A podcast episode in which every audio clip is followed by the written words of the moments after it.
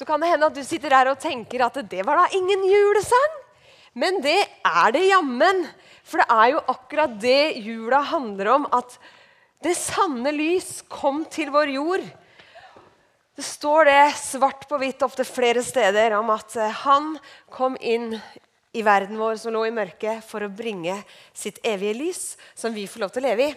Nå skal jeg fortelle en liten historie fra virkeligheten. Det var noen år siden, og jeg var på tur i Gulslettmarka på ski i lysløypa. Det var en av de julene det var lys Nei, det var snø. Eh, og lysløypa den var på. Eh, og slått på. Og jeg tenkte å deilig! Så klokka var sånn kvart på ti. Og jeg tenkte de stenger eh, lyset klokka elleve. Det er helt perfekt. Da kan jeg liksom kose meg og liksom gå der. Så vi begynte å gå, da, og var ved godt mot og hadde godt føre, og alt var greit. Og så, boom! Midt i skauen så blir det mørkt.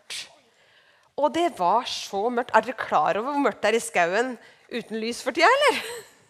Det er ganske svart. Det var midt inni holdt på å si ingensteds. Det var jo egentlig ikke langt hjemmefra, men det var midt i skauen. Rundt Åletjern. Og jeg tenkte kjære Gud, hva gjør jeg nå? Kommer, kan det plutselig komme bjørn? Kan det komme mennesker? Kan det komme... Altså, jeg begynte å tenke alle mulige sånne rare tanker. Eh, men det verste var jo at jeg så jo ikke hvor jeg skulle gå. Og hadde det ikke vært for at det var godt oppkjørte løyper i Gulsetmarka, så hadde jeg vært ganske fortapt. Helt ærlig. Men det viste seg jo da, de stengte jo lys klokka ti, og ikke klokka elleve. Og det var ingen grei opplevelse. Men plutselig, så var, der jeg gikk, da, så tenkte jeg på alt mulig rart. Jeg ba veldig. Uh, og så alle disse bibelversene da, om lys. For eksempel å være en lykt for min fot. Lys i mørket osv. Det ble veldig levende for meg. Og men det der en lykt for min fot spesielt. Og jeg kjente jeg trenger det så. Og det ble veldig sånn refleksjonstid av denne turen i mørket. fordi jeg oppdaga jo hvor mye jeg faktisk trenger det også i resten av livet mitt. Ikke bare det helt konkrete der og da, men i livet. Jeg trenger noe som lyser opp for meg. Jeg trenger lys.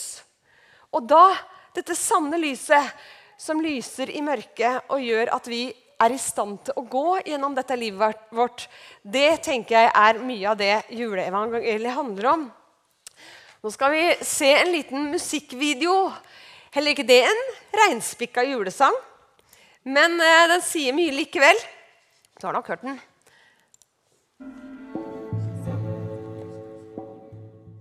Det står der og brenner, en trofast, gammel venn. Har du fyr? Har du løkte langs din vei? Har du fyr? Et signal om riktig lei. Ei lampe som gløder i mørket og loser deg ut og frem. Som tar deg bort og hjemmefra, men også tar deg hjem.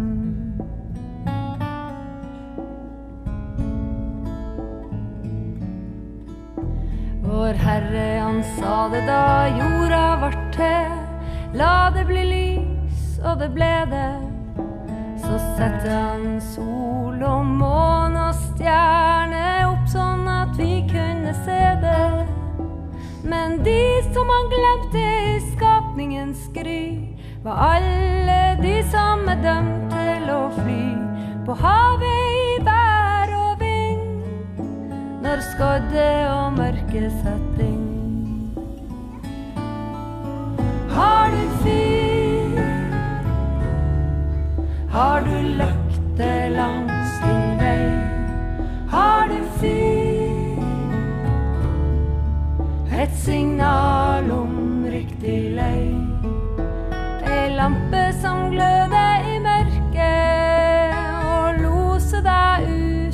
frem. Som tar deg bort og hjemmefra, men også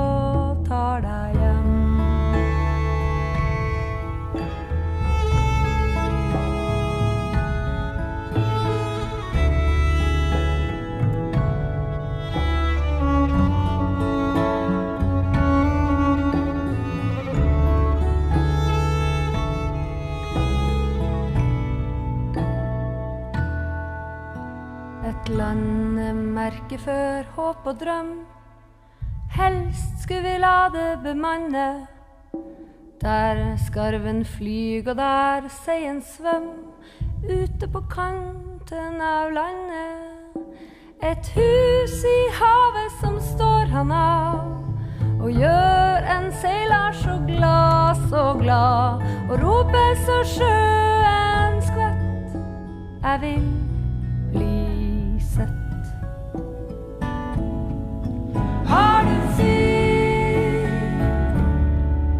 Har du løkte langs din vei?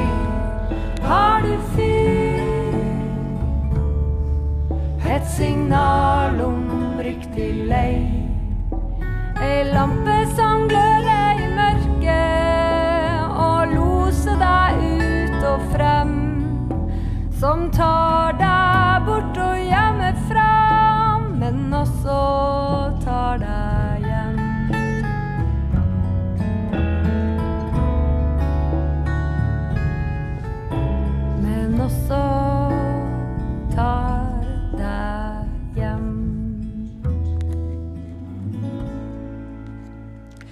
Det gjelder å ha noe å styre etter. Helt konkret, men ikke minst i livet for øvrig. Og jeg tenker at Ola Bremnes har fanga noe av det her i den sangen. da. Nå skal jeg fortelle en liten eh, sann historie, det også, men ikke fra mitt liv. Det var fra 1995, når noen trodde de styrte rett. Eh, for det, altså, En ting er å ha et fyr, men det er noe med det å, å styre etter det rette fyret. da. Det var nemlig den amerikanske marinen og den kanadiske eh, mer, eh, luft, Hva heter det for noe? Jeg må se på lappen min, for jeg husker ikke hva det er. Det kanadiske sjøfartsmyndigheter var det. Som var utafor kysten av Newfoundland. Og så sier amerikanerne mot det her er da opptak fra en radiosamtale som fant sted. Kan hende du har lest om det, men jeg sier det likevel. Eh, en radiosamtale fant, som fant sted mellom dem 10.10.1995. Vennligst endre din kurs 15 grader nord for å unngå kollisjon, sier amerikanerne. Svarer canadierne. Jeg anbefaler deg å endre din kurs 15 grader sørover. Amerikanerne svarer dette er kapteinen eh, på et amerikansk marinefartøy. Jeg gjentar endre din kurs. Canadierne svarer nei, jeg sier igjen du bør endre din kurs.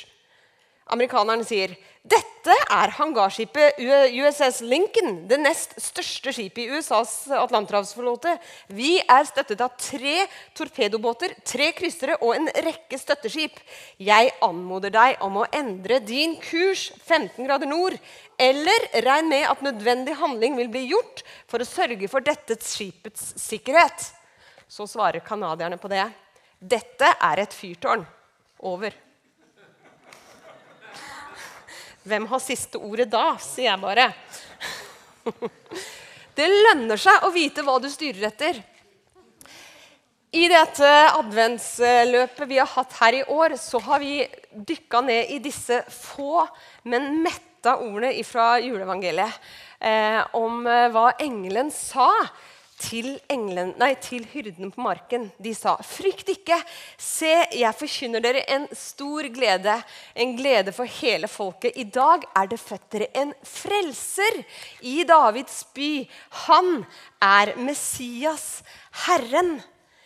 Det har vi sett på i advent, og gjennom det har vi sett på alle de gavene som Gud ga oss gjennom dette barnet som ble født. Han, det første de sa, var 'frykt ikke'. Han kommer med fred, og han kommer med fryd. Og han kommer med glede, altså fryd. Og han kommer som en frelser som er for alle. Det er liksom mm, kjernen i det Gud gav oss i Jesus. Og i dag så skal vi gå litt videre. For det er ikke nok med at Maria, Jesus, nei, Maria og Josef sitter der fortumla i stallen og får besøk av noen hyrder. Så går det ikke så mange stundene før de også får besøk av disse som vi har kalt for de tre vise menn. Som kom fra Østen. Og Det er det som er dagens tema i, i, møtet vårt. Og jeg skal rett og slett lese, Vi skal lese den historien sammen, sånn som den er gjengitt i Matteus evangeliet kapittel 2, og vers 1-11. Da Jesus, ja, Les gjerne sammen med Matilda. Og de som vil, les høyt. Jeg leser høyt. Join in. Da Jesus var født i Betlehem i Judea, på den tiden Herodes var konge, kom noen vismenn fra Østen til Jerusalem og spurte hvor er jødenes konge som nå er født. Vi har sett stjernen hans gå opp, og vi er kommet for å hylle ham. Da kong Herodes hørte det, ble han svært urolig, og hele Jerusalem med ham. Han kalte sammen alle overprestene og folkets skriftlærde og spurte dem ut om hvor Messias skulle bli født. I Betlehem i Judea, svarte de, for slik står det skrevet hos profetene. Du, Betlehem i Judaland, er slett ikke den ringeste av fyrstene i Juda. For fra deg skal det komme en fyrste som skal være hyrde for mitt folk Israel. Da kalte Herodes vismennene til seg i all stillhet og spurte dem nøye ut om tiden da stjernen hadde vist seg. Så sendte han dem til Betlehem og sa, Dra av sted og forhør dere nøye om barnet, og når dere har funnet det, så meld fra til meg, for at også jeg kan komme og hylle det. Da de hadde hørt kongens ord, dro de av sted. Og se, stjernen som, hadde, som, de hadde sett gå opp, gikk foran dem inntil den ble stående over stedet der barnet var. Da de så stjernen, ble de fylt av jublende glede. De gikk inn i huset og fikk se barnet hos moren, Maria, og de falt på kne og hyllet ham. Så åpnet de skrinene sine og bar fram gaver til barnet. Gull, røkelse og myrra. Det er historien om de tre vise menn. Og hvilken fortelling, tenker jeg. Her har de reist langt og lengre enn langt uten GPS og uten kart eller kompass eller noe som helst annet enn stjernene. Og så har de fulgt den her magiske, store stjerna. Og så har de ført dem helt inn til stallen, til Jesus. Som et mektig fyrtårn reiste den stjerna seg for dem. Men i historiens gang så har ikke den stjerna vært den eneste som har leda fram til Jesus. For opp gjennom hele Gamletestamentet så kan vi lese om stjerne etter stjerne, eller fyrtårn etter fyrtårn, som har leda fram mot dette punktet i historien, der Jesus blir født. Leda hele folket fram mot dette vanvittige skillet i historien vår, der Jesus kommer, der Gud selv blir menneske og tar bolig iblant oss. Det er jo helt vanvittig, egentlig. Og når da vismennene søker råd og spør hvor skal denne her kongen som er lovt For det var liksom noe de visste om en konge som var lovt. Hvor er han skal bli født hen? Så går de nettopp til disse skriftene og ser ok, hva forteller disse stjernene oss, fyrtårnene oss, opp gjennom historien. Jo, han skal bli født i Betlehem. Ok, da reiser vi til Betlehem, da. Så ser de jammen den store stjerna gå foran dem like til Betlehem og stallen. Og I dag så tenkte jeg at vi skulle gå gjennom noen av de stjernene. Og du har sikkert hørt om mange av de her før. Kanskje alle. Det er greit, for det gjør ikke noe å minne oss om å repetere de store, viktige tingene. Og for meg så tenker jeg at det, det er så trosstyrkende. Det jeg tror på, er ikke bare en historie som er kjempekoselig å minnes hver gang vi sier 24. desember. Det er så mye, mye mer. Det er noe som har vært lovt. Folket Israel hadde vært i mørket i hundrevis av år. Så kommer det sanne lys og lyser opp hele verden. Og det skinner i dag. Så jeg har lyst til at vi skal dra oss litt gjennom denne lysløypa eh, som ikke går av klokka ti men som varer. Og Det første lyspunktet som vi kan se på, det er rett og slett fra dag én i Bibelen. Og I hvert fall side én i Bibelen min. Syndefallet. Den mørkeste dagen, kanskje, i menneskehetens historie. Da vi hadde det så godt, levde i det vi er skapt til, nemlig nært fellesskap med hverandre og med Gud. Hadde det helt fantastisk. Og så er det én en eneste en liten ting som Gud har sagt. Det, folkens, vil, vi skal, vil jeg at du skal holde deg unna. For der får du vite om også ondskap, og jeg vil ikke at du skal kjenne ondskap. Men så går likevel mennesket hen og tar nettopp av den frukten som gjør at de får kjennskap til godt og ondt. Og skillet mellom Gud og menneske starter. Grøfta er gravd. Men så går det liksom så fort, så er Gud der med sin plan og sier at dette her skal vi ordne opp i. Vi er nødt til å få på plass Frelseren. Så sier han til slangen som da har lurt Eva til dette her, og sier jeg vil sette fiendskap mellom deg og kvinnen, mellom din ett og hennes ett.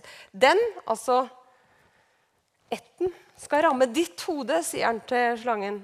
Å bli ramma i hodet, det er fatalt. Men du skal ramme dens hæl. Menneskeheten skal bli skada. Men du, død, du djevel, skal dø. Det er vi, det er jeg, Gud, Far, den som har skapt alt, som er seierherren her. Jeg legger til, veie, legger til rette for en frelsesplan. Det er allerede der satt en standard for hva Gud vil for mennesket. Han vil redde oss. Og fra der av så ser vi veien gå mot en frelse som manifesterte seg i julaften. Neste punkt som jeg drar fram, det er Abraham. Eh, han lever nært med sin Gud, og Gud, og ha, Gud, inngår en pakt med Abraham. Og Dere har hørt om det at Gud lovte Abraham et stort folk, barnløs og gammel som han var, men han skulle få et stort folk. Og Gjennom ham så skulle hele verden, alt folk, bli velsigna, sier Gud. Herren sa til Abraham, dra bort fra landet ditt og fra slekten din og fra farshuset til det landet som jeg vil vise deg. Jeg vil gjøre deg til et stort folk, jeg vil velsigne deg, og jeg vil gjøre navnet ditt stort. Du skal bli til velsignelse, og i deg skal alle slekter på jorda velsignes, sier Gud til Abraham. Allerede her så peker Gud fram mot den Kristus som skal komme og gjøre dette gjeldende for alle mennesker for deg og for meg som er her i 2016. Så på vei mot det å skape et folk så danner han et folk rundt Abraham, som da allerede, eller først var altså barnløs, men som får Isak. Og så gjentar Gud løftet sitt til Isak, til, til Abraham sin sønn, hvor han sier For deg og din, til din ett vil jeg gi alle disse landene. Jeg skal oppfylle den eden jeg har sverget til din far Abraham. Jeg skal gjøre din ett så tallrik som stjernene på himmelen. Alle disse landene skal jeg gi til din ett. Og ved din ett skal alle folkeoppslag på jorden velsigne seg. Igjen, da. Pek fram mot Jesus. I alle folk på jorden så skal Gud vise sin velsignelse. Han peker fram mot Kristus. Og så tar Paulus det for å hoppe da fra Gammeltestamentet ut til Nytestamentet. Og Paulus sier flere ganger og Det er flere ganger vi ser det i Nyttestamentet, men nå drar jeg fram fra Galaterbrevet kapittel 3, vers 20. Slik skulle Abrahams velsignelse komme over folkeslagene i Kristus Jesus, så vi ved troen skulle få den ånden som Gud hadde gitt løfte om. Så de frampeka som vi ser i Gamletestamentet mot Kristus, de ser vi bekrefta i Det nye testamentet. Og jeg syns det er så trosstyrkende, som sagt. Nå skal vi hoppe tilbake til stjerneløypa vår. For tida gikk, og nå skal jeg trekke fram han her karen her, som noen av dere sikkert har hørt navnet på. Moses, ja. Jeg tror dere har hørt om ham. Det vet jeg dere har. Og for ettersom Da Moses kom på arenaen, så var han også en mann som snakka med Gud, som så Gud, og som når han kom tilbake fra å ha vært sammen med Gud, hadde et ansikt som lyste. Tenk på det. Hans ansikt lyste, og folket så han hadde vært i Guds nærhet. Jeg tenker, å, vi som er en del av denne historien, på denne sida av Kristus, har del i den samme ånd. Og vi kan òg lyse som stjerner, som fyrtårn for andre når vi har vært sammen med Gud. Når vi tilbringer tid med ham, så kan også vårt ansikt lyse sånn som Moses sitt lyse, lyste. Og hele Moses sitt liv var som et frampek mot Kristus. Som Moses så var også Jesus trua som spedbarn. Hans liv var i fare, men han ble redda. Eh, som Moses så forlot også Jesus sin kongeverdighet og blei en del av folket. Og som Moses så var også Kristus en mellommann mellom Gud og folket. Moses var en mellommann mellom Gud og folket. Jesus er en mellommann mellom Gud og folket, oss. Moses var en mellommann mellom Gud og mennesket og en representant for den gamle pakt. Jesus var mellommann og en representant for den nye pakt, som vi ser eh, Som jeg skal si litt om bitte litt etterpå, men jeg skal først ta et vers som det står om en profeti rundt Moses sitt liv. Jeg vil la det stå fram en profet som deg, en av deres landsmenn. Jeg vil legge mine ord i hans munn, og han skal forkynne for dem alt det jeg pålegger ham. Det er en profeti som sies til Moses om Jesus, og igjen da en frampek mot han som skulle komme. Og så blir Moses sin tjeneste beskrevet bl.a. i 2. Mosebok 24,8. Da tok Moses blodet fra offeret, stenket det på folket til soning for syndene som var blitt gjort det siste året, og sa se, dette er paktens blod, den pakten Herren har sluttet med dere på grunnlag av alt som jeg har sagt. Eh, en pakt mellom Gud og menneskene som ble bekrefta av blodet, og som kjøpte de fri fra synd. De måtte gjøre det hvert eneste år.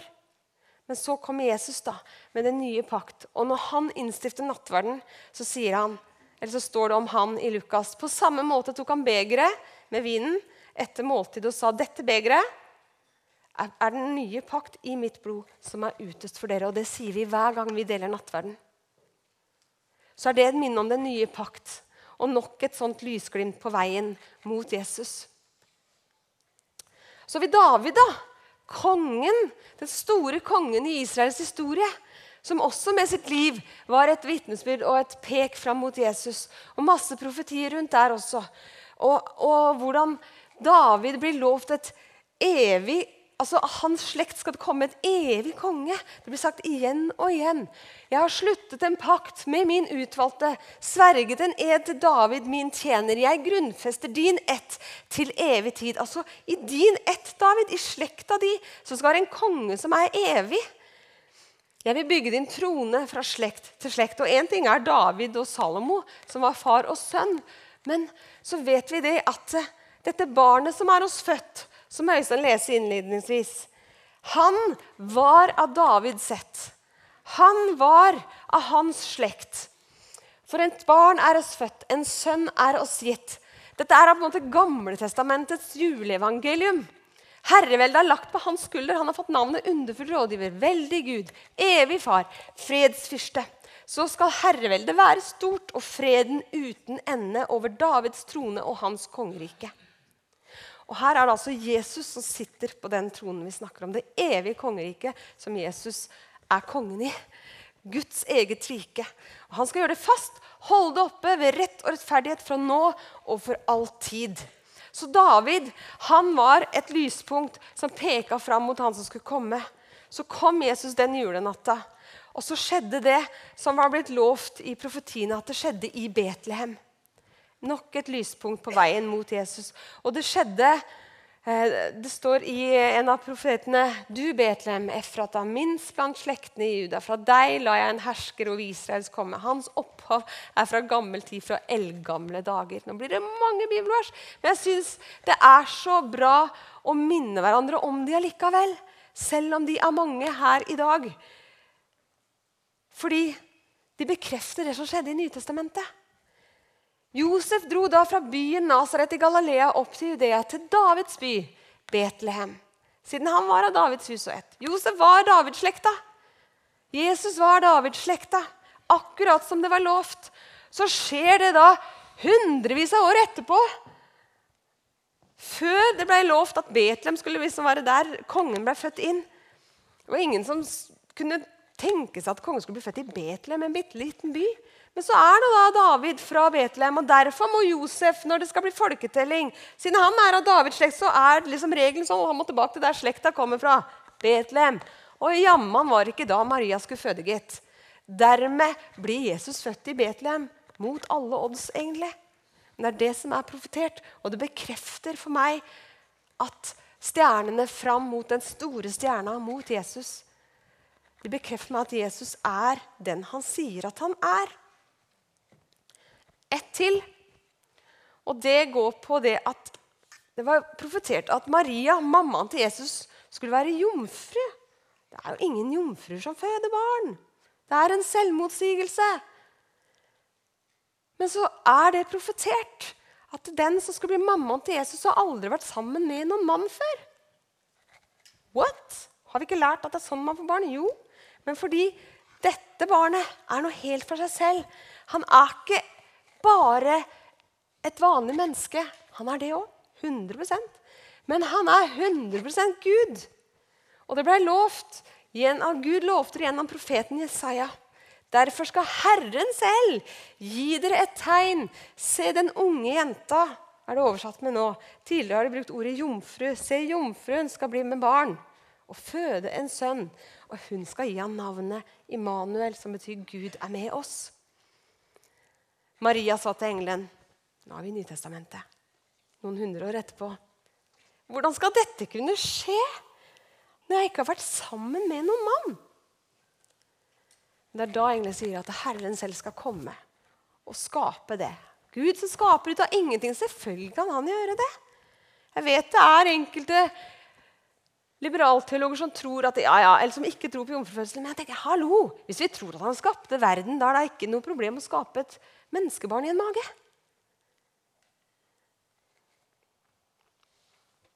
Frykt ikke, Maria, for du har funnet nåde hos Gud. Hør, du skal bli med barn og føde en sønn, og du skal gi ham navnet Jesus. Han skal være stor og kalles den høyeste sønn. Og Herren Gud skal gi ham hans far Davids trone. Han skal være konge over Jakobs hus til evig tid. Det skal ikke være ende på hans kongedømme.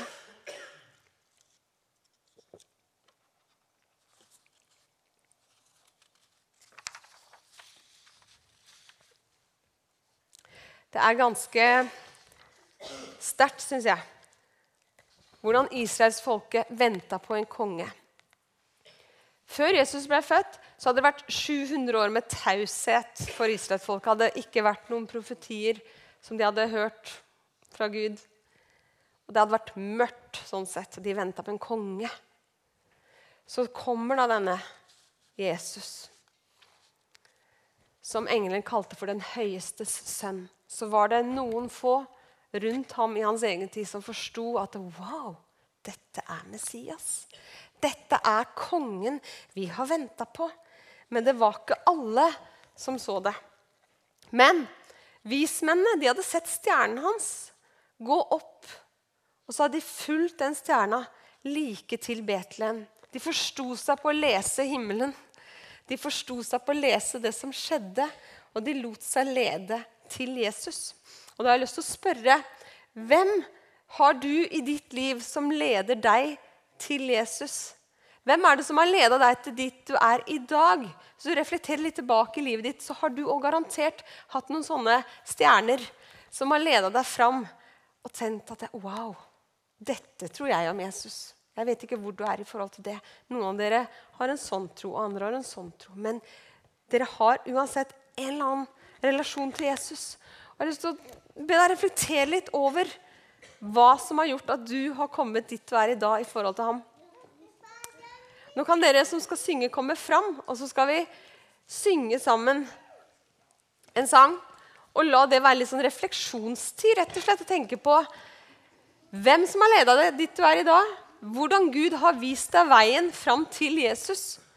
Og så når du da står foran Han, så er vi der nå, i hans føderom, som vismennene var det.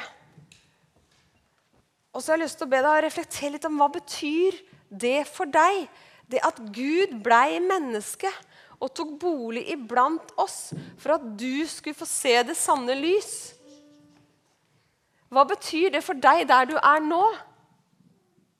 Hva betyr det for deg å stå i Jesu føderom og se dette lille barnet? Som er så mye mer enn det vi ser akkurat nå. Vi synger 'Mitt hjerte alltid vanker' sammen nå.